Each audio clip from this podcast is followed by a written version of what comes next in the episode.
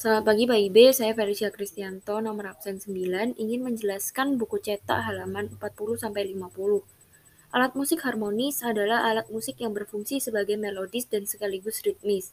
Lalu, memainkan musik dalam grup sering disebut sebagai ensemble. Ditinjau dari ragam jenis alat musik yang dimainkannya, ada ensemble sejenis, ensemble campuran, dan orkestra. Ensemble sejenis adalah ensemble yang memainkan alat musik dari jenis yang sama. Misalnya ensemble perkusi, ensemble tiup, ensemble gesek, dan sebagainya. Selanjutnya alat musik trompet. Ada bermacam-macam jenis trompet. Di antaranya jenis C, D, E, B, E, F, G, A, dan BB. Akan tetapi yang paling lazim dan sering dipakai adalah trompet BB. Selanjutnya French horn. French horn merupakan keluarga alat musik tiup logam. Biasanya dimainkan dalam ensemble atau orkestra musik klasik. Selanjutnya adalah klarinet. Klarinet adalah instrumen musik dari keluarga alat musik tiup.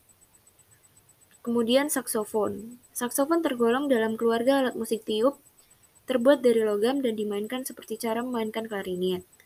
Selanjutnya adalah ensemble gesek. Ensemble gesek merupakan ensemble dengan kelompok alat musik gesek, seperti violin, biola, cello, dan kontrabas.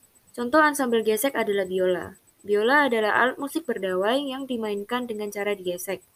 Biola memiliki empat senar, yaitu G, D, A, dan E, yang disetel berbeda satu sama lain dengan interval sempurna kelima.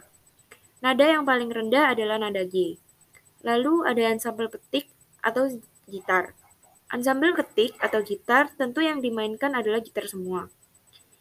Sebagaimana namanya, ensemble gitar merupakan instrumen utamanya gitar. Sekian dari saya, terima kasih.